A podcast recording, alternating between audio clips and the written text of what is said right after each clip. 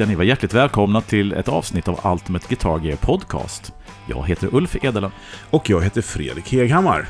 Ja, Lite skorvlig i rösten idag, eh, det var gig igår. ja precis. Men det kommer vi till sen, för Ja. det har med veckans pryl att göra. Oh. Där vi ska titta på den nya Marshallen. Ja. Vad ska vi prata mer om idag då? Eh, vi ska snacka om eh, ja, men, någonting som vi kallar för karaktärsgitarrer. Och det ska Mm. vi gå in på. Vad, är, vad, vad, vad tycker vi att det, det är för Jo, något? Vad är det för någonting? Precis, något exakt. Ja. Eh, och sen så ska vi följa med Fölstet till Woodstock.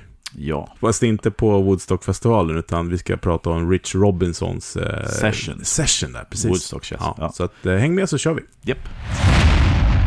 Ja, Fredrik. Karaktärsgitarrer. Det här är ju liksom ett intressant ämne och... Eh, ska du börja förklara vad... Ja, men det är så Ja. här, eh, vi har ju... Eh, vi har kommit in på det här några gånger och, eh, och vi har benämnt det som karaktärsgitarrer. Och vad menar jag med det i alla fall då? Ja, för det kan ju vara väldigt olika tolknings... Ja, men det är de här eh, instrumenten som man egentligen har till några få saker. Mhm. Eh, jag kan ju säga så här, jag skulle vilja ha just nu, så och det har jag tjatat om på förut här, jag skulle vilja ha något svajigt med eh, goldfoils på. Mm. Men för Mm. mig är det en karaktärsgitarr. Det är ingenting jag skulle spela på hela tiden, om du förstår menar. Utan jag skulle Nej. ta den när jag vill göra de här ambienta prylarna, eller när jag vill vara skör Mm. och lite wobbly. Mm. Mm. Eh, förstår du? Och då, då Mm. kallar jag det för karaktärsgitarr. Okej. Och, och, och, och eh, vi har ju sagt ibland så här när vi, åh, de här grejerna som du har, ska du göra, göra av med den där eller? Ska, du- ja, fast det, är- ju en karaktärsgitarr. Jo, men det är intressant. Men vad menar du? Va- varför är inte en eh, Les Paul en karaktärsgitarr då? Ja, men det är det säkert. Det är det här som är svårt. Jag vet inte vad man ska benämna det här. Det, säger, det är därför jag säger det, att i, i, i min värld, det vi ska prata om idag, är då stränginstrument. Eh, framför allt. Mm. Som man då, ehm, ja men som man kanske använder till specifika ändamål och inte liksom ett, en, ett helt eh, gig eller ens en hel sång. Ja, men okej, jag fattar. Men, men då, då, då, det du säger är att en Les Paul Strata eller Tele inte är egentligen karaktärsgitarr. Men det är inte säkert att du använder den mindre eller mer än de gitarrer du Nej, beskriver. nej, nej, absolut. Om man säger så här, för, Mm. helt rätt. Helt Mm, rätt. mm, För att om jag hade varit en strata-kille Mm. Och så skulle jag, eh, då skulle jag ju kunna säga så här, ah, men jag har en Les Paul för att det är en, liksom en karaktärsgitarr. Jag har den när jag lägger feta mackor på det här bry, bryggan bara. Ja, okej. Förstår du ja, Ja, ja, då är det en ja. karaktärsgitarr för den personen. Mm. Och då skulle man kunna tänka sig så här att, ja, nu tänker jag högt bara, Mm. eftersom det är det vi gör här. Jo. Eh, att så här, ja men jag kanske inte skulle köpa en, eh, en Murphy Lab Les Paul för 100 000 om det var att jag skulle lägga några ackord på en brygga på en Mm. inspelning. Mm. Utan då kanske jag skulle köpa en, en billigare Les Paul-kopia till och med kanske. För Mm. ett, liksom, en, eller en handbackesgitarr. Ja. Förstår du vad jag menar? Jag och då fattar. blir det då en karaktärsgitarr. Den här man Exakt. tar fram när det ska till den här lilla grejen. Mm. Men, men alltså okej, jag, jag, jag, alltså, jag, jag, jag, tror, jag, jag förstår precis vad du är ute efter. Ja, ja, men du, du ställer mig mot Ja, väggen här, men- men, det är bra man- det. Nej, men, men- vi pratade ju om dubbelhalsade gitarrer. Ja. Det är ju 100% karaktärsgitarrer, Ja. tycker jag. Skulle man kunna definiera en karaktärsgitarr så här, att det har egentligen inte med att man använder mycket eller lite, utan det kanske är en gitarr som går Alltså att, om man säger då Les Paul, Strata Tele, lite andra sådana här klassiska modeller som är etablerade mainstream Kött och potatis. Ja, som alla alltså stora old Klassiska school ljud, gitarrister ja. har använt som sina huvud... Alltså, Mm. som bara använder Les Paul hela sin karriär, Mm. bara Strata till exempel. Mm. Och sen så blir det någon form av default sås och potatisgitarren. Och Mm. alla andra gitarrer som då hoppar in och gör lite gästspel kan vara en karaktärsgitarr. Men att man, man utgår från någon form av klassisk rock, blues. Ja, men jag har också tagit upp Mm. lite exempel då, för att jag har liksom tittat vad, vad menar jag egentligen med det här. Och som sagt var, hela det här avsnittet föds egentligen från det där med att man liksom ska sätta upp en gitarr som man egentligen bara gör en grej med. Mm. Liksom. Mm. Eh, det var därifrån du startade. Men sen när jag började titta på det här så var det så här, vad är en, sån eh, så kallade karaktärsgitarr eller kryddgitarr? Kryddan eller vad vad liksom det här? Mm. Ja men en, en, en tolvsträngade är ju det lite grann. Mm. Mm. Eh, för mig, och nu, du, vi pratar ju utifrån oss två här nu. Ja, ja. Att liksom, eh, ja men det är någonting som jag skulle, det, krydd, det har jag gjort när vi spelade in förr i tiden, att man lägger en bakgrunden liksom så här för att krydda. Mm. Mm. Och det är ju skitcoolt. Jag menar, jag tycker din, eh, din Ronin är ju lite så här, det är ingen, det är ingen gitarr du skulle spela ett helt set på. Du skulle lätt kunna göra det, men du, du gör ju inte det. Nej, men då är man tillbaka till det lite grann, det jag sa innan, liksom, att, att egentligen är ju en karaktärslig kryddgitarr bara ett sätt att se på ett instrument utifrån ens Ja. egna värderingar. För att, som du säger, om jag skulle lägga undan mina classic rock-gitarrer, SG Mm. och Les Pauler och det här som jag använder, så, och bara skulle använda den här, så skulle jag efter några veckor vänja mig vid att kunna använda den. Ja. Och då helt plötsligt skulle min Les Paul kunna bli en kryddgitarr. Mm, Så det är liksom, ja, ja, men förstår du menar? Liksom? ja. Men, men du har helt rätt att den är ju antagligen en sån gitarr jag plockar fram för att göra någonting som inte är det mainstream man gör. Men det beror ju också på vad man gör för någonting. Ja. Jo, jo, jo, men eh, nu utgår vi från vad du och jag gör då. då. Ja, precis. Eh, och där är ju egentligen gitarrer med många strängar är ju för oss inte någonting som vi spelar på hela tiden. Nej. Utan, Mm. eh, Du hade väl någon, eh, nej du hade ingen, nej du hade en bar, bariton har jag också med. Baritongitarr är Ja. ju också en, en karaktärsgitarr i, i vårt, I vårt bruk. i ja. vårt bruk. Ja, men det är kan man- utifrån oss vi utgår Ja, ja precis. ja. Och, och, man, och det vi gör just nu ska vi kanske Det är ju inte Ariel-posen liksom. Nej, det vi spelar i det här Black Rose coverbandet som har någon form av classic rock, soul, alltså traditionell rock med ett crunchigt ljud som någon form av ljudideal. Där då ett etablerade klassiska instrument är kanske grundstommen. Så, Ja. så det är kanske utifrån, vi ska väl säga att det kanske utifrån där vi pratar. Ja, men ute- säga så? ja, eller utifrån mitt perspektiv sådär. Mm, liksom. Eh, ja, men gitarrer med många strängar i alla fall är någonting som varken du eller jag har. Så att skulle jag köpa en sjusträngad eller Ja, en faktiskt en tolvsträngar. Eh, ja, men jag tänker en sju eller åtta. Jag eller, sån, ja, ja, ja, precis. eller tio eller någonting Ja, sånt. Så, så skulle Ja. det bli annorlunda. Ja. Baritongitarr. Och det är Mm. också så här, eh, några av de här grejerna som jag tar upp är sånt som jag skulle vilja ha. Mm. Jag skulle vilja ha en baritongitarr. Eh, jag hade ju en sån här mule gitarr som var Mm. stämd som en bariton. Just det. Med tjocka strängar. Och det kanske är att föredra.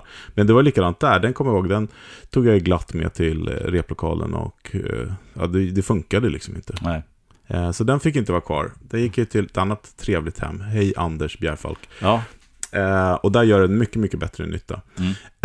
Eh, Oktavgitarr, är det någonting du håller på med? Nej, och vad är och då är då... En, sån, en, en mindre gitarr som är stämd en oktav Typ upp tenor kallas den också där, liksom, att den är en Ja, oktav det- upp eller någonting ja. sådär. Finns på en del dubbelhalsar och sånt. Ja, exakt. Mm. Precis. Mm. Eh, Nej, den har Nej. jag, nej, har men, jag det, men det låter ju så jävla coolt på Ja, ja. inspelningar. Eh, och då kan man då, i, i, i, med, ihop med den, så kan man ta den här Nashville-stämningen. Mm, mm, Där man då ehm, stämmer de fyra eh, lägsta strängarna en oktav upp. mm. Och man sätter på tunna strängar också på. Det. Så det blir så här angel hair liksom. Ja, ja, det- precis. Ja. Ja, det låter magiskt. Mm. Men jag kanske inte skulle gå och stå och trubadura en hel kväll på det. Nej.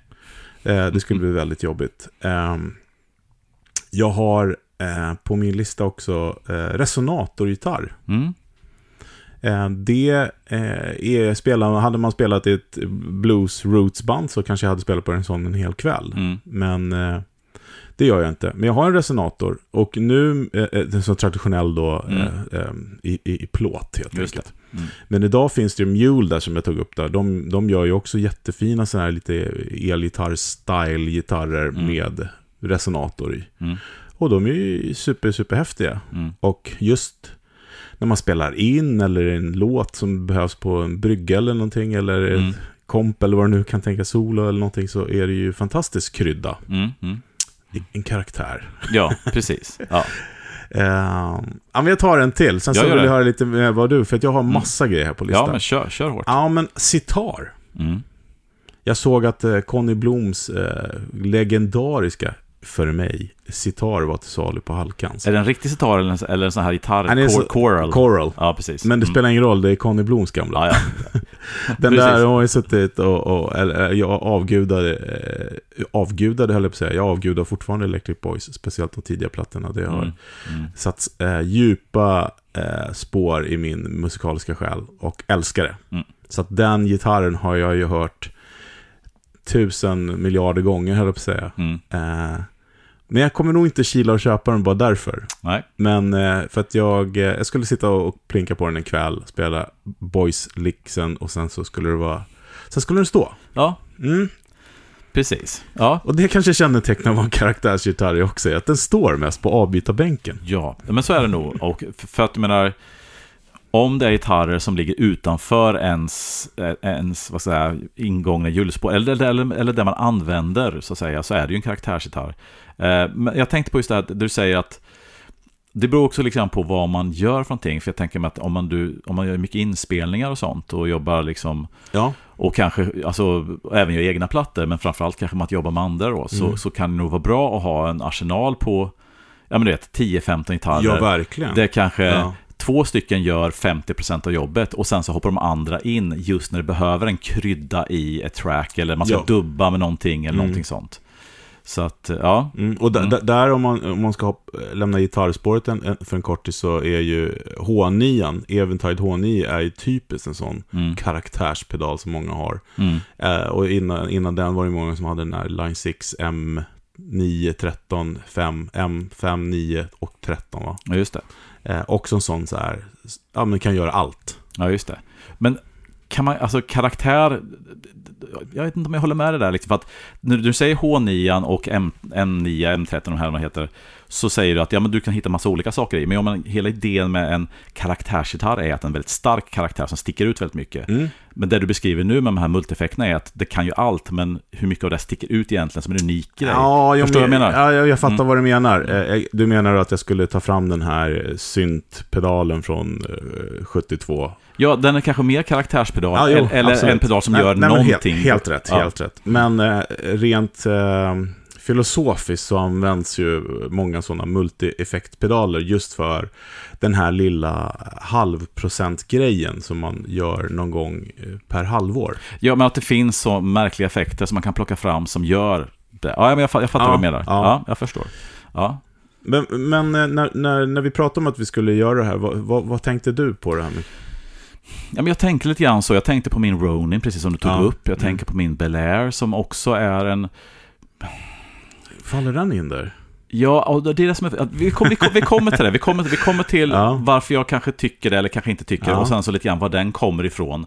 Eh, men... men eh, det, viktiga att poängtera är det vi ser som karaktärsgitarrer Ja. är kanske sås och potatisgitarrer för andra. Ja. Så det är också, alltså vad som är en karaktärsgitarr och vad man använder Ja, ja, som en jag har karaktär ju- har att göra med var man är någonstans. Ja, Jag har ju stått Ja. på gig två sätt och du har haft bara den. precis. Så att jag menar, men, Och, det- men, och det giget var det ingen karaktärsgitarr då, det var en vanlig gitarr. ja, alltså, ja, precis. Det är också, ja, det tycker jag, det, det, är, det är svårt det här för att som du nä- benämner, en karaktärsgitarr är något man slänger in med stark karaktär. Som har så stark karaktär så att den kanske inte går att använda helt för att den, den, den, den, kommer fram för mycket i karaktären. Ja, den är så unik i det den gör, Exakt, så att den, är precis. liksom, den blir för hårt boxad. Exakt, så att Ja. den har ett sound som kanske inte passar i just det man håller på med, alltså blir en karaktärsgitarr. Ja, Eh, men det kan ju också vara så att som, som Bel Airen, som jag tycker är lite grann en karaktärsgitarr, är ju också någonting, när jag väl ställer in det för mitt sound, så blir den ju en sås och potatisgitarr. Fast för en annan människa så hade det kanske blivit en karaktärsgitarr. Och då kommer vi till vad den har inspirerats av. Och den, är ju liksom, den har ju Filtertrons och ett Bigsby. Och då är min fråga till dig så här är, är inte en Gretsch en karaktärsgitarr? nej det tycker jag inte. Du tycker inte det? Och varför, nej, varför ja, inte men, det då? ja, ja, men alltså, för, jo, jo men eh, för, för dig och mig tycker jag inte att det är det. Mm. Eh, för jag skulle, jag, jag har ju spelat eh, helt gig på min Mm. Gretsch. Och det har Mm. du gjort också när du hade din, Mm. eh, vad var det du hade nu igen? Du och Sonic? Nej. Jo, en, eh, precis. En, Ja. en double cutaway. Du Men, men ja, eh, alltså, du och Jet heter den. om man säger så här, Mm. Filtertron-mickar skulle kunna vara också klassas som, eftersom jag säger Goldfoil då. Mhm. Så, på, på så sätt, ja. Men gitarren tycker jag inte. Nej. Eh, utan då är det mer, jag menar, liksom eh, sitar eller bariton eller någonting sånt. Mm. Mm. Eh, men men, men eh, det sagt så är, är det ju många som använder just en, en fin Gretsch med de här sköra, eh, i, i mina öron, eh, Filtertron-mickarna och ett Bigsby. Mm. Och skapar sån, såna pålägg oftast. Ja, precis. Det, det görs ju. Mm, mm. Och som är en hel genre, alltså den här kyrkmusiken i USA, Mm. där alla kör den här jättesvulstiga reverben. Mm. Eh, En distad liksom Gretsch-gitarr med filtertrons. Ja, eller lite halvdistande, så Ja. AC30 eller matchless. Ja, och sen så mycket delay och så. Matchless och uh, uh, uh, Ja. uh, uh, AC30, precis. På något sätt av en, en ja alltså det blir lite så här. Magiskt bra ljud. Ja, ja är det precis. Väldigt, väldigt influerad av The Edge oftast. Mm. Ja, abso- absolut. Och den, den, eh, den genren har man ju också sett väldigt, väldigt mycket Goldfoils i nu, Mm, sista tiden. mm. Eh, så det är spännande. Och då, det jag menar, som vi sa innan, då skulle kunna en Les Paul då kunna bli i det Ja, läget ja, en, såklart. en, en så. Såklart. Men, men, men det känns lite grann som att när vi snackar karaktärsgitarr så I utgår från... Jesus känns det allt en karaktär. Eller hur? Eller hur? Nej men alltså så att, eh, ja, jag tror att vinklingen är lite grann från ett mer traditionellt håll skulle man kunna säga då. Ja, liksom. men, ja, precis. Men till exempel en, en, en, eh, ett karaktärsinstrument. Jag, ska, jag kanske inte ska säga det, men jag kommer säga det tillräckligt många, så ni, många gånger så att ni Ja, förstår vad jag precis. menar. Nej, men eh, eh, som jag är lite sugen på att testa, som jag inte har gjort än. Mm. Det är ju sån här eh, rubber bridge. Alltså sätta på det på en gitarr. Alltså, eh, Rubber Bridge. Ja, men det är väldigt poppis nu eh, på akustiska gitarrer och sånt. Att sätta på så här, och, och elgitarrer också. Man sätter på ett stall i, i gummi. Aha, för att Så det blir så här dämpat Ah, ja, Det blir ett ja, väldigt okej. speciellt sound som Mm. låter skitcoolt. Mm.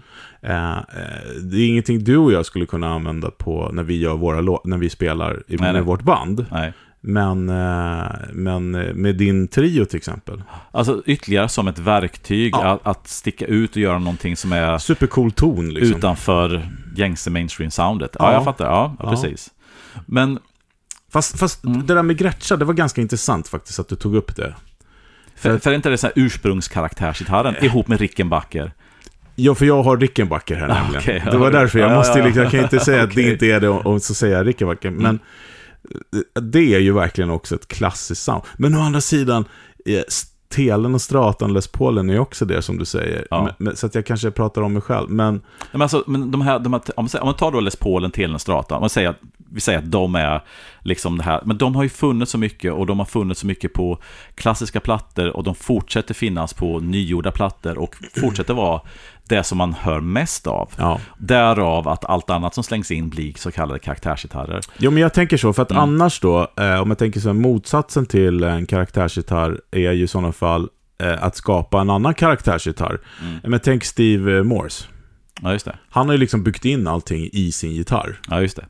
Det ser ut som ett jävla helvete, men han kan ju verkligen göra allting där. Och det är säkert någonting som sitter där som han bara använder på en liten grej. Ja, just det. Men den sitter där på hans gitarr. Han har byggt in det då i den. Ja. Eller Men- Brian Mays egna som har massvis med switchar. Han använder kanske fyra, fem av Ja, de pre- tio. ja, precis. Ja. Exakt. Eh, och, och, och så det, då blir det helt plötsligt så här. Eh, då går man från att ha en basgitarr och, och karaktärsgitarr som man kryddar med till ett utility tool Mm. som klarar allt. Ja. Där du kanske har en del kryddor i som du använder väldigt sällan. Ja, men det finns inbyggt istället för att du har en Ja. extra gitarr till det. Men, ja. men det där har ju aldrig riktigt slagit, tänker jag, på de där eh, enorma utility-gitarrerna. Nej. Ehm, jag menar, eh, först hade vi 70-talet med väldigt mycket inbyggda effekter och sånt där. Mm. Frank Zappa är ju liksom en Ja, verkligen föregångare på det där. Men sen, och, och jag vet inte, det, det slog väl aldrig riktigt att ha massa effekter i gitarren sådär. nej, det var mer så här, ja, kul att ha. Men nej, det var inte någonting som gitarrister gick igång på. Och, och, Mm. och idag finns ju Voron Saki där med Björn Juhls fussar och sånt i, Ja. som verkligen är coola gitarrer, men karaktärsgitarr Ja. kanske. Och, och sen får du inte glömma 80-tals och gitarrerna som hade inbyggda preamps och Exakt. Taylor och Ja. alla de här som hade massvis med switchar och sånt liksom. Och, och slog inte heller riktigt an liksom. Nej, och så mm. hade vi ju då eh, Varjax. Mm. Eh, där då du hade verkligen ett utility tool Ja, med eh, möjlighet att, att ha karaktärsljud on tap Ja, men precis. via midi och allt möjligt Mm. skit. Det var väl bara Lasse Welander typ som körde på. Nej, det är säkert jättemånga som har gjort, äh, Mm. använt dem. För, eh, men men eh, det har inte riktigt slagit heller, utan men, och, och, och det, också till det här ämnet, ska jag säga att det här med att jag tycker jag ser mer och mer att folk har unika instrument som de kryddar sitt grundinstrument med. Ja, och jag, jag törs till och med gå så långt och säga att det har nästan börjat vändas upp och ner nu att det är väldigt många som använder de här instrumenten som vi i det här avsnittet och, och innan tidigare sagt är karaktärs kryddinstrument. Vi gubbar. Ja, precis. Som då folk använder som sina utility Absolut, och mainstream-instrument. absolut. Så att säga så att och om man inte minns till den här offset-vågen som började, det är ju säkert 10-15 år sedan den Ja. drog igång ordentligt. Från att vara lite, det har vi pratat om innan Mm. också, det här att vara lite från i marginalen till att bli mera sådana instrument som folk använder hela tiden istället för den traditionella stratan, telen eller Mm. Ja, verkligen. eller Och så har vi hela det här Ray Cooder-maffian liksom med waterslide-gitarrer och, och, och, och sådana grejer också. Mm, och eh, eh, ja, men gamla Silvertone, eh, Dan, Dan Electro med sina lipstick-mickar och sånt. Mm. Och jag tror att en, en, del av det här, att det har blivit så här, är ju också hela den här boutiquerörelsen. Att det har dykt upp eh, ja, men tillverkare som Ronin eller alla de andra som har då sin vision av vad den perfekta gitarren är. Som oftast är vid sidan om mainstream stortillverkarna.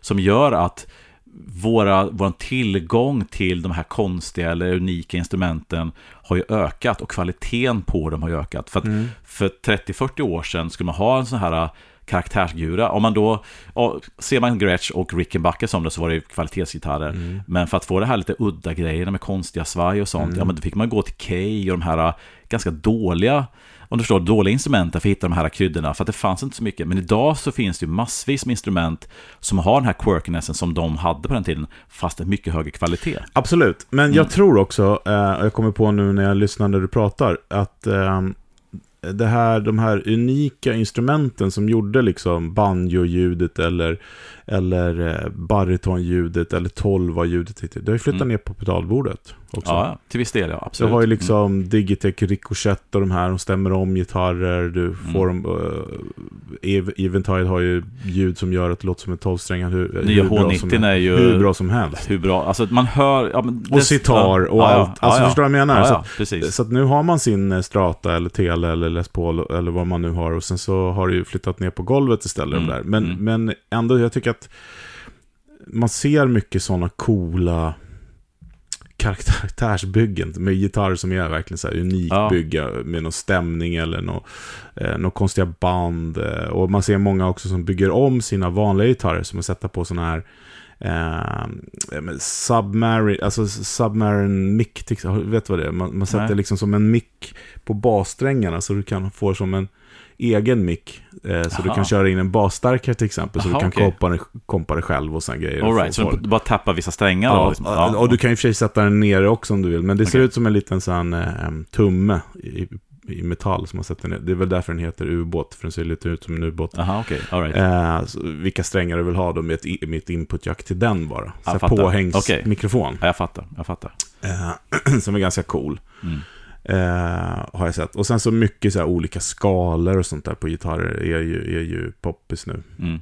Men jag, jag, alltså, även om mycket har flyttat ner på pedalbordet så tycker jag ju fortfarande att att ha ett, en arsenal med, med unika gitarrer med sin personlighet och sitt grundsound ändå är, ja, jag är kanske gammalmodig, men, men, men jag tycker att det, det blir mer karaktär om du tar ett helt eget instrument som, som gör den här karaktären än att du skapar det via en pedal. För att Ja, men så är det. Beror på, alltså det kan ju vara pedalsoundet du är ute efter. Men om det är så att du ersätter ett pedalsound med en gitarr så kommer man ju aldrig riktigt ända dit, så att säga. Nej, nej En tolv- 100, 100 procent. En tolvsträngad gitarr kommer ju inte låta som Nej. en, en pedal, liksom, och så vidare. Nej, absolut. Men det är väl, det är väl the, the sign of the times lite grann nu, att man ska åka med minimala riggar som klarar allt. Ja, Jag men menar, förstås. den här tiden som, vi ska ju prata om Rich Robinson igen snart då, då Mm. i, i Felsers inslag, men eh, när han har eh, en gitarr, ibland två, till Mm. varje låt. Ja.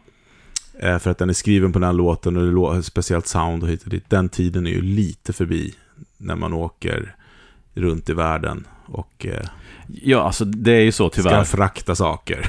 Ja, men det är ju så tyvärr att, att eh, kostnaden med att flyga saker är ju alldeles för hög nu för de som turnerar. Även de stora etablerade bandet drar ju Mm. ner på, på prylar och sånt. Mm. Eh, Men du, en, en, en annan väldigt nu eh, i ropet och känd karaktärsgitarr är ju den här Steve Weiss, den här, eh, vad heter den? Beast eller vad, fan, inte Beast. Har du sett hans den här med b- bas, hals och det är flera halsar just grejer. det. Ja, den ja, heter ja. någonting. Ja, ja den är. Poddhjärnan igen. Ja. Men där gör han, Mm. han har ju den till en låt som han spelar som Mm, är eh, ascool. Men, Liksom. men du, alltså, precis, men då får man, det är intressant här du säger, för att jag tycker att det är lite en gimmick. Så, Och, självklart. och, men då är frågan liksom, vad är för skillnad på, eh, på en karaktärsgitarr? Alltså när blir en karaktärsgitarr en gimmick och när är en karaktärsgitarr inte en gimmick? Alltså, Hydra heter den. Jag var tvungen att kolla. ah, okej, all right. Aha. Bara Ja. ett sånt namn. Hydra. För men det kan ju också vara så att man plockar fram en gitarr som, som ser cool ut och som kanske låter cool, men det är, man skulle kunna använda någonting annat. Alltså, förstår vad jag tänker? Liksom, Mm. att, för att det kan också bli en så här grej att man använder en pryl, en gitarr, eh, framförallt live kanske, som Mm. kanske är mer som ett blickfång. Ja, men i det fallet liksom. så är det, Mm. han har i och för sig komponerat en låt på den. Så det, det, för det är också en cool, grej tycker Mm. jag med, med karaktärsgitarrer. Ja. Nu säger jag det igen, uttrycket. Det är liksom att de kan inspirera till, de öppnar ju upp också boxar som man inte har varit eller hav och simma i, som man verkligen inte ens har doppat tån i. För, Ja, just det. för att man liksom inte, man trakterar inte sitt vanliga instrument på så sätt. Mm, mm. Eh, Jag kan ju, eh, nu tittar jag på min den här eh, eh, silvertonen som jag har med slide och hit och dit. Den är stämd i öppet D liksom och hit och dit. Och det spelar ju helt annorlunda på den. Inte bara för stämningen men utan även för lipstick-mickarna och den här Mm. eh, Mojo Tone, eh, Ray Coder-micken eller vad fasken den heter. Jag vet inte ens vad den heter själv. Mm. Men, och den har ju också en sån här damp på. Att Ja, just kan det. slå på en filt som, Mm. som lägger sig. Eh, har du någon sån damp? Nej, jag har ingenting faktiskt. Inte jag heller. Men du, får jag fråga en sak Ja. då? Eh, har du, utifrån ditt perspektiv, när du snackar karaktärsgitarrer och sånt, har du någon gitarr som du har sett som en karaktärsgitarr som börjar nästla sig in att bli en sån gitarr som går från att vara en liten fin färg som en gång använde en gång i halvåret till att nästla sig in och bli en mer en sån här vardagsgitarr. Som, förstår du vad jag menar? Att man går från det som du kanske sett som en karaktärsgitarr Ja. till att bli någonting mer än så. Om man ser från det hållet. Fasken vad kul det hade varit om jag kunde säga ja. Nej, jag är väl inne på en väldigt traditionell resa nu, kanske mer än vad jag varit tidigare. Mm, mm, Men eh, ja, ja, på sätt och vis. mm. Men mer utseende än ton. Okej. Vet. Ah, flying, du har ett Flying V, Corina. Mm. Det har jag ju spelat ganska mycket på. Mm, mm, Bland annat igår, igår kväll Ja, ja. spelade jag eh, liksom ett helt set på. precis. Det är ju också en karaktärsgitarr på Mm. sätt och vis. Mm, mm. Ehm, men eh, nej, ehm, det har jag inte. Mm. Men jag, jag kan till, till exempel, hade jag haft en gitarr med, med gold foils, så som jag... Eller en gitarr med mickar och, och sound som, som det som jag föreställer mig att jag vill ha från, alltså typ din Ronin, Mm, typ så. mm, Då skulle jag nog kunna använda den på vissa låtar som vi har, som jag känner så här. Det, Mm. Och det skulle jag älska för att det, den producerar de här, det här konfetti, liksom, eh, toppen, som Mm. bara regnar. Ja, just det. Älskar man ju liksom. Mm. Uh, tänk dig spela till exempel Diamond Ring eller, Mm. eller eh, ja, någon av de här lite lugnare låtarna. Mm. Liksom. Det ska vara skitcoolt. Ja. Du då? Ja, men nej, alltså ja. Det är väl den då, då kanske? Ja, men både Ronin och sen om man nu ska se min Motorrav då som en. Och sen får man kanske inte glömma den eh, Frank Brothers jag hade som också skulle kunna ses som en karaktärsgitarr med lite udda mickar och ett udda svaj på och sånt. Även om det kanske är gränsfall. Men jag kan nog säga att den Ronin-gitarren använder jag ju nästan uteslutande. Alltså det här trion som vi har haft nu som ligger lite grann i träda eh, har jag bara använt den till. Ja. Därför att den, den passar så bra i hela det här liksom mera experimentella, lite mera ljudlandskapsgrejen och den hade då det här man-made svajet som man kunde göra coola grejer med utan att det stämde om sig. Så att när jag väl fick den så har jag använt den väldigt mycket. Och sen så går, går det i sig perioder när den står väldigt mycket. Så att jag är väl periodare. Jag, jag kan nog inte säga att jag har någon av de här karaktärsgitarrerna som har kört min Tele eller SG eller mina Gustafsson-gurer på, på, på liksom dörren och ersatt dem. Men jag kan nog säga att det här som en gång bara var ett udda verktyg någon gång ibland har ju börjat nästla sig in mer och mer. Inte tagit över, men Nej. jag, men jag märker att jag är mer öppen för de här lite udda grejerna. För jag tycker att ibland kan det bli lite tråkigt med vanliga, alltså de här vanliga handbacker eller vanliga singelkolgurer. Man vill ha någonting annat Ja. och sånt. Och någon annan färg som jag kanske vill använda mer än bara som en karaktärsgura. Mm. Så att svara på den frågan är ju att det har blivit mer av det faktiskt. Men det, det är fortfarande Ja, traditionella gurer som har huvud, Ja, men jag tänker mig också att både du och jag använder ju faktiskt pedaler också för att färga och göra sådana saker. Ja, men naturligtvis liksom. Eh, Lite så. Ja, Men däremot om man ska så här stärka det så eh, vill jag gärna ha liksom ett... Ja men nu har jag blivit så jävla van vid Magnetonen och den har ju verkligen en karaktärssound med sin sitt speciella pitch shifting eh, vibrato till exempel. ja. Det, det är ju en karaktärsgrej absolut. Ja. om man säger så. Och den har ju Det är du ju bara de som har det liksom. Ja, och du använder ju de säkert ganska mycket, även om du kanske inte använder vibratot hela tiden. Men, Nej, nej, så det kan väl nästla sig in lite grann kan man väl Ja, säga. Mm. Precis. Men har, du- har du någon så här, om vi tänker på det här eh, genren som vi pratar om då, om, om det nu är att jag har hittat på det eller vad det är nu, det. min fantasi. Ja. Eh, är det någonting som du suktar över som du skulle vilja ha? Är, är det en liten banjo-gitarr som saknas? Nej. Eller är ukulele? Eller Nej, något? alltså om man säger så här, jag, min blick dras ju väldigt ofta till de här äh, lite mera udda design. Jag, jag, jag uppskattar när man är vid sidan om vägen lite grann. Så att, ja men, jag vet inte om jag kommer på något, men, ja, men, ja, men jag skickar väl en, en länk på den här Springer-gitarren som i och för sig kanske är traditionell. det, det, nej, går- det, nej, okej. du, du, är för, du är för traditionell Ja, ja, i din okej, karaktär. Jag fattar, jag fattar. Eh, men... Någon, någon eh, gummisträngsbas nej, kanske? Nej, alltså just de här... Jag såg att det fanns en, en syntgitarr, en sån Casio till salu på fejan. Jaha, okej. Ja. Det Okej. är en karaktär. Det kan man återgå till. ja. Eller hitta en sån här, du vet, Roland 707 med den här, den här som stöt... stöt. ja, det riktiga Monkey-gruppet. ja, ja, ja, precis. Eh, coola. alltså nej, jag, jag kan inte säga att jag har, alltså, när jag säger de här udda grejerna så är det ju liksom, det är knappt udda, det är väldigt mycket tradition eh, fortfarande förknippat med det, men eh, nej, ingen sån här konst, inte någonting som, är, som, är, som du säger som en riktig karaktärsgura, nej. Nej.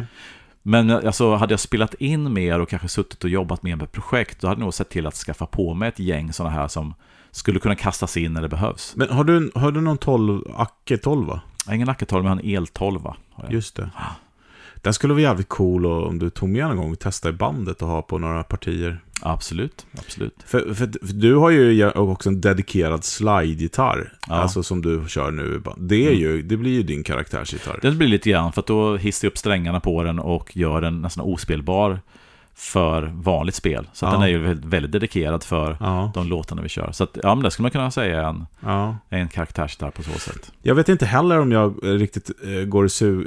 Men... ehm, jag har inte, vågar inte ge mig in i den här akustiska världen. Jag har ju den där gammelgura-grejen där som är väl en karaktärsgitarr för mig. Ja, men precis. Men ändå inte. mm, Eh, men eh, någon sån där Nashville-stämd sak skulle vara coolt att ha. mm, mm. Men nu spelar inte jag in varje dag så att jag behöver inte den till det. Och det är, det är väl då man kanske använder det. Mm.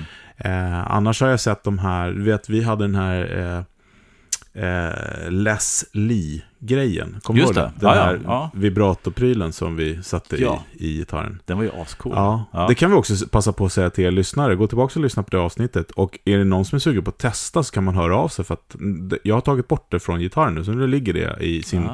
låda. Så den, den Mm. lånar vi gärna ut om någon vill testa. Mm. Coolt. Eh, men de jobbar ju då med Daimel Guitars. Just det. De är De, kan göra, de gör både traditionella, men de har också gjort en del riktigt spacade grejer. Ja. Det som är fullmatade med saker och ting. Ja. Liksom. Är, är det de som även har mickar på andra sidan svajet om du har ett eh, Ja, men den har lite allt möjligt, Ja, precis. ja. Exakt. Eh, mycket innovativt. Tänk, ja, men det, ja, men det, det, det är ju så långt, alltså sätt en mick mellan stallet och stränghållaren på ett mastery. Det är ju Ja. ganska långt avstånd där. Och du kan ju inte stämma det egentligen, du kan inte påverka det, men just att använda den och kunna blända in det, det är ju Mm. Ja, men, genialiskt. Ja, men absolut. Och, Mm. och, och eh, när vi pratar om dubbelhalsade gitarrer så är det, det är det som är så himla coolt när man spelar då, man låter micken vara på på den Mm. gitarren som man inte spelar på. Att det Mhm. blir ju som en så här, det blir reverb liksom. Mm, mm, Som, eh, för att strängarna vibrerar mer där nere. mm, Lite, lite, eh, ja det är jävligt coolt. mm. Men, nej men bariton eh, Ja. säger jag väl då. då. Eller, Mm. eller en eh, baritonstämd vanlig gitarr. Mm. Jag har ju en bariton, men jag har ju inte använt den på det här äh, som du tänker på bariton, utan jag har ju använt den för att spela tyngre grejer nedstämt. Ja. Istället för att stämma ner en gitarr till ett C så kan man spela då en bariton som då inte fladdrar så mycket, som Mm. håller som en längre skallängd och som man kan köra riktigt distra grejer och ändå få, så att säga, balans och inte för mycket svaj. Nej men precis. Eh, men den har jag, den är två humbuckers på, så att den låter... Skulle man vilja använda det på här lite mer, lite mera, eh, vad ska man säga, Joel Landers, den stilen Ja. liksom, så skulle man ju egentligen behöva ha andra mickar, eller en annan typ av bariton. Just det. Nej men för att de killarna, eh, Joey och Ariello till exempel, de föredrar ju, eller har gjort i alla fall när jag har pratat med dem och när de har, man har läst om det. De föredrar ju vanliga sk- gitarrskala. Mm. Som man då sätter på väldigt tjocka strängar och Ja, stämmer det. ner. Så att det Mm. blir liksom, för att det blir mer gitarrsound. För, för Ariel säger i alla fall att han tycker att en baritongitarr låter för mycket bas. Jo men det är det, och och det tycker jag, när jag har kört mina metal-grejer med den, istället för att stämma ner en Les Paul till C, så kör man den här, så, så låter det inte nedstämt när man kör en bariton. Men däremot om du stämmer ner en, en, liksom en Les Paul, eller som en Gibson-skala, som är en, ännu kortare, till C till exempel, vilket Ja. är långt ner, så låter det jätteont. Alltså det låter verkligen nedstämt. Tänk dig liksom Sabbat och sånt, eh, bara för att det fladdrar så mycket. Eh, så att det har ju inte bara med tonen i sig, utan hur tonen låter. Mm. Men det är ett annat avsnitt. Eh, ja, jag tänkte en annan grej som jag skrev upp, eh, som jag tänkte fråga dig. Har du någonsin testat och spelat, eller spelat in med en sån här typ Les Paul recording? Alltså det vill säga mikrofoner som inte är, eller som behöver en preamp. Just det, som är så här lågimpedansmickar. Nej, det har jag faktiskt aldrig Inte gjort. jag heller. Nej, utan... eh, Så det var spännande att testa och se vad det jag, jag har ju bara haft en sån här eh, Don Mar telemick som eh, han Roy Buchanan hade ju sin gitarr. Hade han ju Okej. en mick som, när man mätte den så var den ju trasig. Alltså den mätte Okej. noll, mhm. men ändå funkar det bra som helst. Okej. Eh, och den var ju också sån väldigt coolt ljud i. Mm. Men Problemet var att jag hade bara en stallmick så det var väldigt svårt att sätta den med något annat. Ja, jag fattar. Och den var ja. lite för begränsad bara för sig själv. Nej, men jag tycker, jag tycker som regel den typen av aktiva mickar låter oftast lite för cleant. Jag, det finns vissa sound som skulle vara klockrena för det, men inte just det kanske jag är med mitt ljudideal så. Nej, Och, eh, men nu har jag liksom sagt eh, en, en gitarr med MG-mickar på som jag tänkte Mm. använda lite grann och återvända till mina 80-talsrötter. Så vi får väl återvända till... Men det är kanske, kanske det vi kanske ska utmana oss själva. Mm. Att vi tar...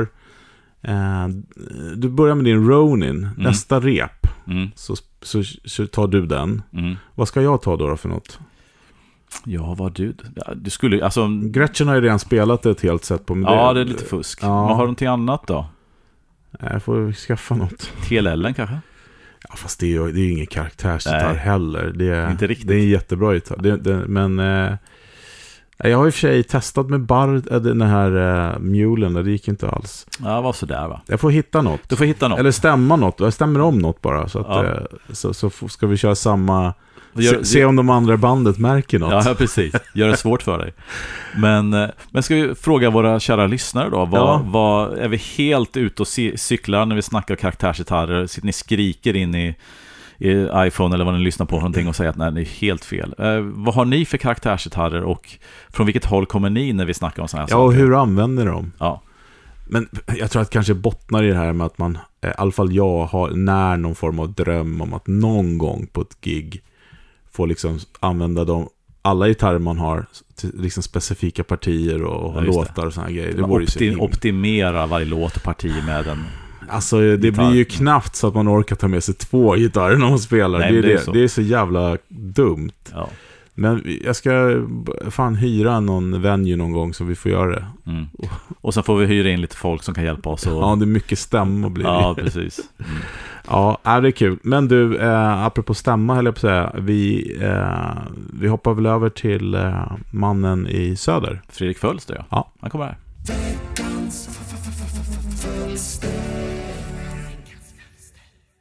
Sådär, då kör vi veckans fölster. Det blir lite annorlunda den här veckan med inslaget. Lite mer utav ett tips än en fundering. Ni som lyssnar regelbundet kan nog inte ha missat att hela UGG-trion är rätt svaga för The Black Crows. På sätt och vis är det Black Crows som är anledningen till att vi gör den här podcasten. Mark Ford inspirerade mig till att beställa hem den här rätt udda Asher-gitarren som Fredde sen satte sin laserblick på. Jag mötte upp honom och Uffe i Stockholm och resten är, som man säger, historia. Fredrik Uffe har gjort ett avsnitt om Black Rose där de snackar om sounds, gear, låtar och så vidare. Tips på det. Leta upp den i backkatalogen och lyssna på den om ni inte redan har gjort det.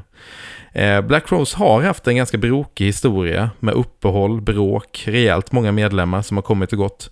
Men det har ändå främst kretsat kring bröderna Chris och Rich Robinson. Rich, kompgitarristen, har sedan millennieskiftet släppt plattor och turnerat i eget namn. Svinbra plattor allihopa som jag har lyssnat på massor. Eh, ska man säga någonting så kanske det är lite mer folkrockigt och lite mer rootsy än vad Black Rose är, men det drar helt klart åt samma håll. Eh, Rich är inte riktigt samma eh, frontman och sångare som brorsan Chris är, och kanske att musiken får ta lite mer plats och så att säga sånginsatsen och frontmanna-showen tar lite mindre plats. Så skulle man kunna säga. Vid två tillfällen så har Rich besökt Applehead Recording i Woodstock med sitt band. Eh, Applehead Recording är specialiserat på att, ja men det är en, en eh, jag tror det kallas för en, en butikstudio eller något sånt där. Det är alltså en studio där man kan spela in inför en liten publik. Eh, och det första tillfället resulterade i plattan Woodstock Sessions som kom 2014. Det andra besöket, 2016, är det vi ska fokusera på här. Rich bjöd då in, utöver sitt eget band, gamla Black Cross-medlemmar. Pianisten Eddie Harsh, basisten Sven Pippien och framförallt gitarristen Mark Ford. Den leadgitarrist som alla tänker på när det gäller Black Crows bästa plattor och eror. Eh, man spelade Black Rose-låtar, man spelade covers, man spelade Rich Robinson-låtar. Och allt minnade ut i att man en kort period senare annonserade projektet The Magpie Salute med mer eller mindre bandet från Woodstock-grejen. Man släppte en platta med låtar från den här sessionerna. En platta jag spelat så sjukt mycket sedan den kom. Och fortfarande gör, tycker den är svinbra. Eh, ja, det är en fin mix av låtar. Eh, Magpie Salute var ett fantastiskt band det lades hux flux tyvärr ner ungefär samtidigt som Black Rose annonserade sin så kallade återförening. Eh, speciellt i början var Magpie Salute helt otroliga. Det var ett stort band, kör, tre tjejer som körade. Eh, gitarristen Nico som har spelat i Rich soloband länge och numera spelar med Black Rose också, var också med utöver Rich och Mark Ford. Eh, hela Rich Band, eh, Rich Band, Rich eh, band, eh, John Hogg på sång, som också Rich har eh, spelat in plattor med förra om åren. Eh, jag älskar den här mixen de körde när de var ute och turnerade. Mixen av Black Rose-låtar, covers, Rich Robinson-låtar, Mark Ford-låtar. Och, och sen faktiskt lite eget också. De släppte två plattor under tiden de var aktiva med eh, nya låtar. Och det var också så här, om man tänker på coverspartiet där, det var liksom, det var de bästa coversarna Alltså jag tyckte att de, de valde alltid de bästa låtarna att spela. Det var Faces, Zeppelin, Stones, Blind Faith med mera. Och det var inte heller så att de gick på hitsen. Det var inte så att de spelade Whole Lotta Love och, eh, ja vad ska vi säga, Satisfaction med Stones. Utan det var liksom lite deep cuts. Det var, det var liksom Moonlight Mile med Stones och det var, um, ja vad såg jag? Custard Pie med Zeppelin. Um, I had to cry today med Blind Faith och så vidare. Ja, um, med tiden dock så bantades bandet ner. Nico försvann, det vill säga det blev bara två gitarrer kvar. Körtjejerna försvann och det blev ett lite rockigare och kanske lite mindre dynamiskt band. Rich har i efterhand pratat om att eh, det var ekonomiskt svårt att åka runt med tio pers med ett projekt som kanske ja, eh, inte hade växt så dynamiskt utan de hade liksom gasat på ganska hårt rejält. Och det var det som ledde till nedbantningarna och till slut till nedläggningen. Jag fick se Magpie Salute två gånger. Atlanta 2017 och Köpenhamn 2018. Båda gångerna var svinbra. Atlanta var lite speciellt dock. Det är hemmaplan för Rich och det var stora bandet fortfarande. Eh, ja, grymt sound, dynamiskt, kul gig. Hade jag fått bestämma så hade jag hellre sett Magpie Salute fortsätta istället för att bröderna Robinsons så kallade Black Rose återförening. Men eh, ja, varför allt det här snacket eh, om det här nu idag då? Jo, jag upptäckte nyligen att hela besöket i Woodstock 2016 på Applehead Recording, som mynnade ut i Magpie Salute, finns proffsfilmat på YouTube. På något random konto. Och vad jag vet så har det här aldrig streamats eller släppts på något annat sätt. Det är jag rätt säker på. Jag hade, det hade jag haft koll på. Eh, alla tre dagarna, två set per dag, över tio timmar video. Oklippt, med mellansnack, rätt många omtagningar, lite backstage och så mycket guld rent musikmässigt.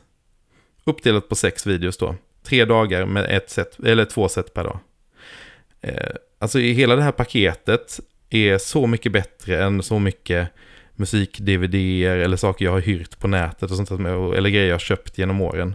Och hade det funnits tillgängligt, och gärna då med kanske Eh, eh, en, ja, ännu lite vassare kvalitet. Det finns, li, alltså vad ska man säga, mixen är inte alltid perfekt och vissa liksom, videos känns lite så konstiga vinklar. Men, men som sagt, det är ju gratis. Eh, det är, men det är helt otroligt. Men jag hade gärna betalat för det om det hade funnits tillgängligt. Och om det hade släppts kommersiellt. Eh, en höjdpunkt på det här är, men jag tror det är någon gång under dag två, när bandet ganska länge står och ja, men de stämmer och de testar sound, så liksom lite, det är någonting på gång. Och sen så när publiken, den här lilla publiken då, jag vet inte hur många som är där, max 100, antagligen bara hälften, eh, börjar inse att de ska spela Wiser Time, som är någon slags Black Rose live-höjdpunkt. Och att det är då Rich och Mark ska spela den ihop, för det är, liksom en, det är en viktig låt för dem som en gitarrduo. Där de lirar mot varandra med varandra. Och vid det här tillfället då, 2016, så hade de ju inte gjort det på 11 år. Sen Mark Ford hoppade av Black Rose 2005. Så det var liksom en stor grej. Så när man hör att, att, liksom, att de börjar liksom limma lite på det introt där så blir det, ja det är starkt som fan. Det, det, det, var, det var en av mina höjdpunkter. Så, surfa in på YouTube-kanalen som heter Jojo Jam och luta er tillbaks 10 timmar. Jag ska länka till den såklart i veckan. Och jag hoppas inte att den försvinner på något sätt för då blir jag jätteledsen. Jag har haft så, så mycket fina stunder med de här videosarna. Och jag kommer vilja se om det. Så ja, fantastiskt verkligen på alla sätt. Så härligt att det är så oklippt också. Eh, ja, som sagt, det blev en lite annorlunda vecka. Eh, men någon av er som lyssnar, som har, har lyssnat på Magpie Salute kanske? Eller Rich Robinson soloplattor, vilka favoriter har ni där? Eh, Fredrik Uffe, ni kan väl riffa lite på Magpie Salute. Ni spelar ju deras låtar, ni spelar ju en del covers som de också har spelat och ni gick väl och såg dem i Stockholm. Och frågan är, Fredde, gick du och såg när de som trio, eh, John Hogg, Mark Ford, Rich Robinson, körde en liten sån här promoturné akustiskt och då var de i Oslo, Stockholm, typ London och Berlin tror jag. Gick du och såg på det, eh, Fredde? Eller minns jag fel? Eller var du bortrest? Ja, det får vi snart veta. Vi kan väl höras på sociala medier. Jag ska länka till de här videorna och ni får gärna berätta vad ni tycker om Rich Robinsons soloutsvävningar och Magpie Salute. Så hörs vi nästa vecka. Ha det gott, hej! Ja men tack Fölster. Det här är ju intressant. Eh, det säger jag efter varje gång du har haft ditt segment. Ja, men, men det det, är är, det också. det är oftast det. Du Ja. är jäkligt bra på att hitta de här... Kan, kan inte jag bara få Mm. börja säga att nej Fölster, jag var inte och såg den trion i, när jag bodde i New York. Däremot var jag såg Rich, Mm, när han spelade med sitt band. right. Eh, och jag var på väg att titta på Magpie Salutes första spelning i New York. Men eh, hittade inte någon som ville gå med så jag gick aldrig dit. Nej. Så jävla dumt. Men däremot såg vi ju Magpie Salute Ja. på... eh, Vad var det så någonstans? Eh, Debaser eh, det. borta på Hornstull. Just det. Det var en skitbra konsert. Ja. Och då hade han det här lite mer nedkortade bandet, ja. Det var inga körtjejer och det var bara...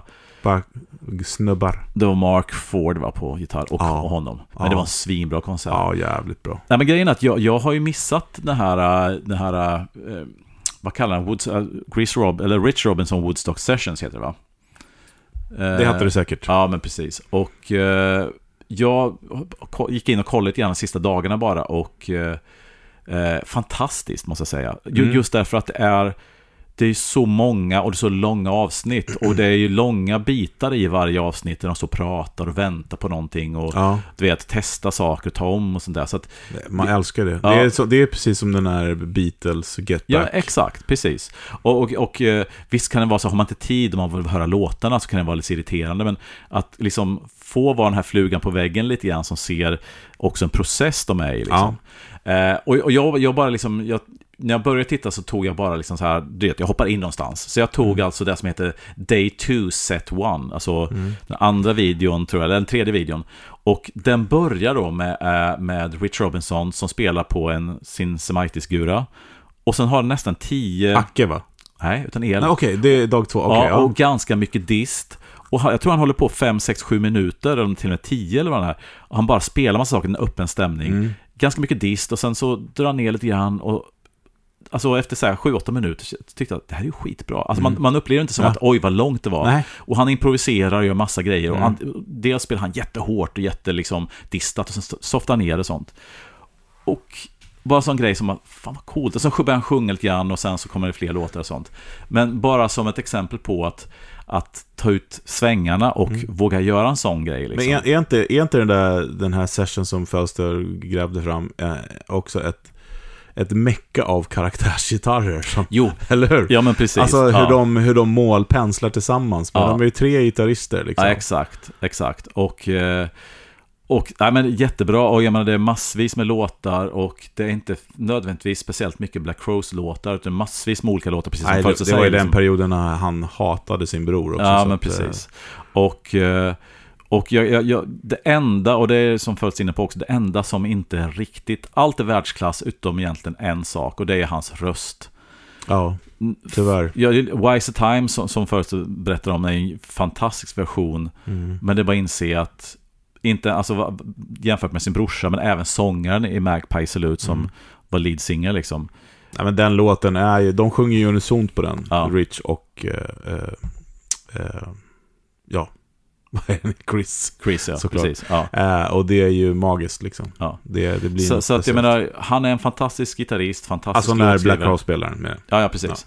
Så, att, så Rich Robinson är ju en... alltså, Han hade ju han och brorsan som är Black Crows. Mm. Sen så kan jag tycka att det är synd att det är bara de som turnerar. Jag kan också hålla med först att när vi såg eh, Magpie så tycker jag att det fanns mer den här, den här känslan av eh, Black Crows än vad det kanske gör när bara brorsan är Nej ute men det var intressant och nytt Mm. och det var som eh, polare som stod och spelade framför den tycker jag. Mm. Eh, jävligt bra. Men jag tycker, jag håller med dig, Mm. men jag, jag tycker också att eh, det har aldrig låtit så bra om Black Crowes som det gör nu. Nej, och, och grejen är att... Och, och, ja, även om min hjälte Mark Ford inte är med, så Mm. är det faktiskt, alltså Chris sjunger så jävla bra. mm, Och Rich spelar bättre än någonsin. mm. Och de musikerna de har med sig är, är super, super duktiga. Det låter Ja. fantastiskt bra. Jo, och, och grejen, och min enda, mitt enda problem kanske med det är att just låter för bra. För att när Steve Gorman och de andra är med så kör de sitt race. Ja, Och på gott och ont. Och det Ja. kan bli skitbra, men det kan också bli så här, ja, det välter. men så är det ju. Men, men eh, ja. Nej, men alltså, Rich Robinson, Woodstock Sessions, eh, vad var det, fem, sex, sju videos va? Och alla är typ en och en halv, två timmar Ja, långa. det roliga är att, att jag kände igen venuen för att jag har sett, eh, jag vet att det finns med, med Chris Robinson också, hans Earthband, de gör en Mm. liknande grej. Mm. Eh, där de spelar, och så jag tror att Black Crowes också har spelat in sådär. Eller att de var repa där inför eh, The Frost-albumet. Eh, för att de spelar eh, Sweet Nothing ihop och sådär. Okej. Och det, det ser precis, miljön ser exakt likadan Ah, ut okej. med de här. Right. Fast det kan ju också vara deras prylar de tar upp, de här båsen som ställer upp. Det Mm. enda jag tycker är lite synd där, det är att han, han spelar så jävla högt. Alltså. Ja. Det, det, det är så högt så att det är... eh, Det, alltså, det, han skulle må bra av att sänka lite. Typ, faktiskt. Ja, men han är en medelålders gitarrist. De ja, har, men de ändå, ändå liksom i, de, i den här intima miljön som ni kommer se när ni tittar på det här så, jag förstår inte riktigt varför.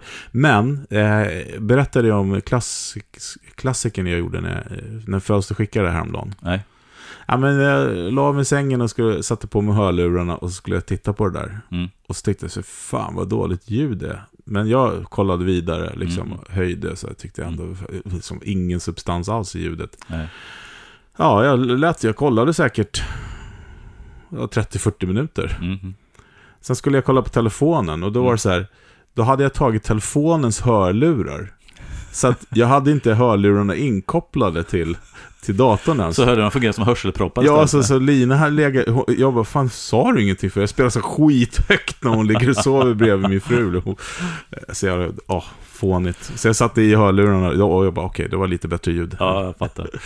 Ja, men alltså, gillar ni den här typen av musik och framförallt Black Rose och den grejen så, och den typen av musik så, ja, det är skitbra. Ja, men och lyssna på Magpie Salute-plattan och lyssna också på Rich plattor. Ja, visst. Eh, super, super bra. Ja. Eh, Och jag tycker inte att, ja, alltså han, hans röst har ju lite att önska kanske. Mm. Men jag tycker att den är bättre när han gör sin egen grej, för då tänker man inte på Black Crowes. Nej, då jämför man inte. Nej. precis. Eh, för det, det är så jävla lätt att göra, som Mm. på Wiser Time då, till Ja. exempel. precis. Eh, sen som sagt var är det inspelat med råmaterial, det låter ju bättre på inspelningen. Ja. Alltså slutprodukten, så att säga. Yes. Du, eh, ska vi ta oss vidare till veckans pryl kanske då? Ja, men vi, vi gör det. Ja, kommer här. Veckans pryl. Det här tycker jag är lite spännande Mm. också. Eh, för att vi ska ju prata om Marshalls nya förstärkare då. Eh, vad heter det nu? JT20. Eller H. JTM ST20. Så var det. Mm. Mm. H och deras 212 i det här fallet. Mm. Lite bakgrund då. Mm. Så himla roligt att Marshall är svensk nu. Ja, Sound Industries som bygger, eh, bygger hörlurar, gör hörlurar helt enkelt. Mm. Och design, designar säger man, och bygger mm. hörlurar. Eh, har ju kört då eh, Marshalls licens, varumärket och gjort Mm. hörlurar åt dem. Mm. Mm. Nu har de köpt Marshall. Mm. Eh, och det är väldigt, väldigt kul tycker jag. För att eh, jag gillar Sound Industries jättemycket. Mm. Och jag tror att de kommer göra underverk. Mm. För att det, det är ett modernt bolag med moderna kanaler och mo moderna sätt att göra saker och ting på. Mm. Vilket också kanske har varit invändningar också för vissa som är tveksamma till det Ja, precis. Mm. Men jag kan säga, sitt i båten. Ni, ni är lugna. För vet, de här som jobbar på Sound Industry med det här, de är sådana otroliga Marshall-fanboys. Så att eh, det här kommer bli bra. Vi har ju träffat några, vi var ju där och föreläste lite grann jag och Fredrik och fick träffa några av dem som sitter och jobbar med och leder det här företaget och det som jag tog med mig därifrån var just att deras lyhördhet Ja, mot verkligen. vad folk som har lite erfarenhet av gitarrförstärkarna tycker och tänker om det hela. Så att Mm. många säger, jaha nu har de här köpt upp det och då kommer det liksom, ja snart kommer det inte vara några förstärkare kvar och hela det här arvet som Marshall står för kommer vara borta till fördel för då hörlurar och moderna produkter och sånt. Precis. Men jag fick känslan av att de var väldigt intresserade av att vårda brandet och vårda de här liksom ursprungsprodukterna. Verkligen, verkligen. Mer, mer än vad Marshall själva är, skulle jag vilja säga. Ja, för att Marshall har ju ibland Eller nu är ju det Marshall Group då. Ja, ja precis. Ni Men man tänker, menar. man, Marshall-familjen har ju inte alltid Liksom, man kan få ibland känsla av att Marshall de sista 10, 15, 20 år sedan, eller ända sedan Jim gick bort egentligen, har varit lite liksom lite lost, lite, ja, du vet, de har Ja. gått vilse lite grann i vad de ska jobba med och sånt. Och det är en övergång, teknikövergång från analogt till digitalt. Hur ska man åka med där och sånt. Och jag tror att Sound Industries kan vara väldigt bra i att Ja. lotsa dem igenom det här faktiskt. Och det roliga är att eh, de har ju varit nere och jobbat ganska mycket med Terry nu och han är skitpeppad på det här. Så det är jätte, jätteroligt Mm. att liksom familjen Marshall är med på tåget Mm. eh, och fortfarande storägare. Ja. Så att, eh, Terry Marshall då, Jim Marshalls son ja, som Ja. är T T-et. i JTM. ja, precis. Mm. Men det, det som jag ska säga, då, Mm. och det, det som också då på något, på något sätt kännetecknar att det här kommer att bli bra, det är ju liksom att de går ihop i bolagen hit och dit och vad gör de då? Jo, men de hör de av sig till Ultimate, Ultimate Guitar Gear Podcast och säger kan ni komma och föreläsa om gitarrförstärkare för våran personal? Mm, mm, För att vi behöver, alla behöver veta vad det är. Ja. Och då gjorde vi det. mm, mm. Eh, och kommer du ihåg när vi stod där efteråt, då, precis som du nu sa det, så stod vi och snackade. Du, din takeaway var ju att de är nyfikna och ly- lyhörda. Mm, Men kommer du ihåg det att jag sa, för fasken, tänk om ni skulle bygga en JTM 45 typ. mm, mm, Det är, är i kombo. mm. Det hade varit helt magiskt. Och de sa ingenting. Nej, Men tre veckor senare så släppte de den här modellen då. Ja, och det här är ju liksom det är den sista i serien av de här studioserien som har funnits. Så det har ju funnits en, en, en vad heter det, en uh, jubileevariant, Mm. en plexi-variant och en JCM 800-variant. Och det här är då JTM 45-varianten. Ja, 20 watt. i 20, i den här SD, eller den här, jag vet inte, studioserien då. Mm. Eh, 20-wattare. Ja, Och de har ju tagit looken från den tidigaste utseendet. eh, den, vad heter den? Kitchen, eh, eller vad säger man? Nej, de- alltså, Eller var det efter det eller? ja, ja, precis. Kitchen Marshall. Dels finns det något som heter Kitchen Marshall efter Ja. liksom en musikaffärskedja. Men sen den som man säger, prototypen, den som de gjorde i köket kallas också Kitchen Ja. Marshall.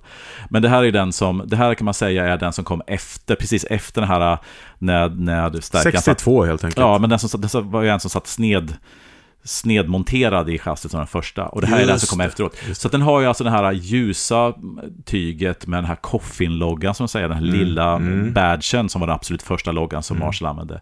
Så att det är ju ett, alltså någonstans runt 63 så kom det här utseendet Just ish. Så här. Ja. Och, eh, och jag tycker de har lyckats skit, den är skitsnygg den här Ja, förstärkaren. men det, verkligen. Och Mm. vi, eh, vi har fått eh, testa toppen och lådan. Mm. 212-lådan. Ja, precis. Och som jag sa, jag är lite skadad på rösten, för jag spelade på den här igår och det var ju faktiskt väldigt angenämt. Eh, och de där 20 watten räckte ju väldigt bra. till. Ja, men absolut. Mm. Men, men eh, lite sådär då, eh, 20 watt som sagt var. Man Mm. kan då eh, välja på full eller eh, low och high, tror jag. Low och high, tror jag den heter.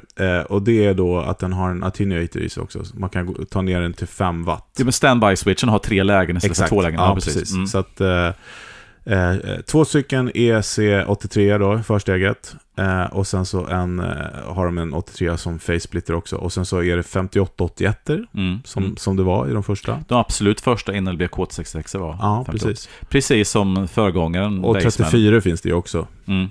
Eh, och sen så läste jag i historien om att sen kom K288 också, men det var ju då 200 watt helt enkelt. Just det. JTM 45 hade nog aldrig den. Nej.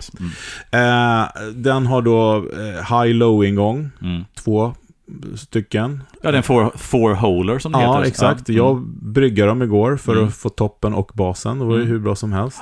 Klassiska tricket. Ja, Mm. eh, jag spelade med pedaler då i, igår, men den har ju ett jäkla skönt eh, drive-ljud alltså. Mm. Men den har ingen master va? Nej. Ut- Utan den, den är riktigt old school. Old school, yes. Och, och det är ju också lite intressant för att jag menar, man kan tycka att okej, vi, vi tar utseendet på en gammal stärk och sen så lägger vi till massa bells and whistles bara för att moderna gitarrister ska kunna använda den. Men här har de faktiskt gjort en, en som är, är ren tills den är så pass stark så att den börjar dista, som originalet. Ja, Fast på, med, med lite lägre effekt, men ändå liksom inte ha gjort några eftergifter. Utom på baksidan lite grann va, har jag för mig om. ja, precis. Den, eh, jag ska bara ge fram då, då. de är alltså, treble och, och eh, normal heter High och normal heter det då, Mm. eh, ingångarna. Mm. Eh, den har treble, middle bass och presence då. då. Mm. Och sen Ja. så har den loop. Och det är intressant att ha en loop på en stärkare som inte har preamp dist på det här sättet. Mm. Mm. Men, eh, och så har den direkt ut. Ja, så det finns lite, vad ska man säga, det finns li, li, eh, lite grejer som moderna gitarrister kan känna igen sig i som inte fanns på gamla stärkarna. Mm. Ja, precis. Eh, skulle man väl kunna säga. Och, och eh, jag har inte testat det in ut. Och vi kommer inte göra ljudklipp på den här i podden Nej, heller. För att eh, vi har inget bra sätt att spela in den. Men däremot så finns det massa ljudklipp. Så vi kommer, eh, vi kommer länka till videos helt Ja, enkelt. Där, där eh, hela gitarrvärlden har ju testat den här nu. Mm. Eh, och eh, låter väldigt bra. Men toppen då i alla fall är det här lilla formatet. Eh, och till den så kommer det då en 212 Mm. Eh, eller en 112. Just det. Eh, Eller en kombo till och med va? eller en kombo, Ja, precis. Eh, mm, eh, lådan då är ju liksom som en halv 412 på höjden. Mm. Eller alltså den är hög som en 412 men den är, inte, den är bara halva bredden, så ska jag alltså, säga. En vertikal 212 helt enkelt. Exakt. Mm. Väldigt smidigt format. Eh, stängd såklart. Och i den så sitter då Celestion eh, 65 med creambacks. Mm. Eh, och den projicerar rätt ordentligt, märkte vi igår när vi körde. Ja, och vi är lite ovana. Alltså, vi, förr i tiden körde vi två- 412 bägge två och var vana vid det här. Och nu har vi kört kombos och mycket öppna lådor. Ja, Så att... jag saknade lite det, men, men Ja. det, det är inte förstärkarens fel, utan Nej. det är, det är min, min vana. Å andra sidan så, vi spelade ju på ett väldigt speciellt ställe igår, så vi fick ju Ja. stänga till din i bak till Ja, också. jättekonstigt ställe, men coolt. Ja. Nej, men alltså, det, det jag hörde när du spelade var att man hörde den här fyrtolvskaraktären. Ja, verkligen. Det här riktade och den här lite fetare botten och Ja. den här lilla EQ-kurvan som blir i Ja. en 412 fast i en mycket smidigare 212-kabinett. Alltså, jag, Mm. jag tyckte att den var, den var superskön att, att spela på. Men det är en grej, eh, Mm. och du som är, är mer Marshall-kunnig än jag, så där in i detaljer, borde det inte egentligen sitta en, eh, en, eh, ett GZ i den här? Alltså en riktigt, ett riktigt rör. rörrektifier. Ja, om man, om man ska vara riktigt korrekt. Men det är också... Alltså, 20, alltså studioserien är ju inte en... det är ju inte en JTM Nej. 45 rätt av, lika lite som de andra är, utan de har ju tagit essensen i det och lite grann utseendet. Ja, men det jag skulle Så- säga ja. är att jag tror att det var därför jag gillar den lite extra, för att den, eh, den, eh, den svarade bra. Ja. Den svarade riktigt bra. Mm. Den säger inte så mycket. Eh, och säget kan vara coolt. Eh, Mm. Och för mig så är JTM 45 är ju det där säget. Ja. Det, alltså, finns inte det så... Nej. Eh, det sagt så låter den här eh, super, super bra tycker jag. Mm. Och eh, kontrollerna var verkligen eh, interaktiva så att man kunde få många olika sound. Mm.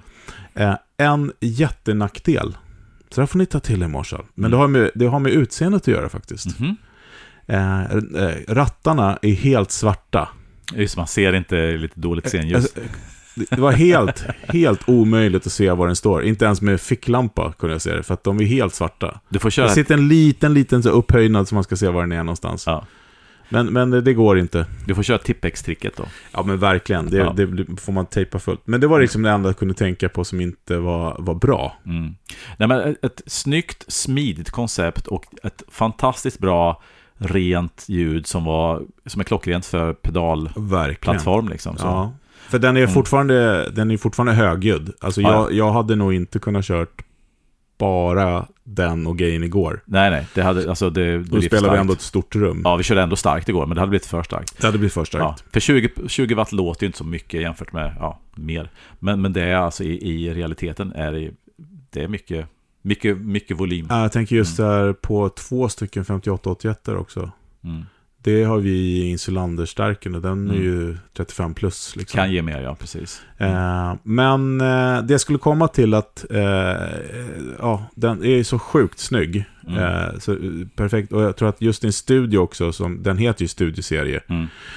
så är det nog superbra att ha att jobba med. Mm. Eh, man skulle ju kanske vilja önskat att det var en, eh, att en load och eh, lite i högtalar IRs i den också. Ja, att det var lite mera finesser på baksidan, ja precis. Men å andra Mm. sidan, den kostar runt 12 000 tror jag toppen. Mm, och lådan där. 6 kanske. Ja. Kombon kostar Ja. också 12 tror jag. Mm. Eh, men jag skulle ju kunna tänka mig, jag skulle kunna leva gott med två sådana där kombos. Ja. Det hade jag nog köpt, för den är öppen. nämligen. Ja, ja, men precis. Eh, och det hade jag velat haft. Mm. För jag saknar det där lilla, men det är ju en smaksak. Men vi har nästan vant oss av med det här 412 sound, Ja, ja. eller stängda Ja, ja. Men vill man ha klassiska Marshall-umfet, alltså Ja, ja. Då måste du ha en stängd go, låda. go for it. Ja, precis. Eh, ja, men det, det, var en, eh, det var en super, super kul, eh, kul att testa. Ja, och kul att se att Marshall eh, på något sätt vårdar sitt, sitt, eh, sin, eh, sin historia. Ja, verkligen. Som, som jag tycker har varit lite si och så med sista åren. Så jag, ty jag tycker hela studioserien är ascool rätt igenom faktiskt.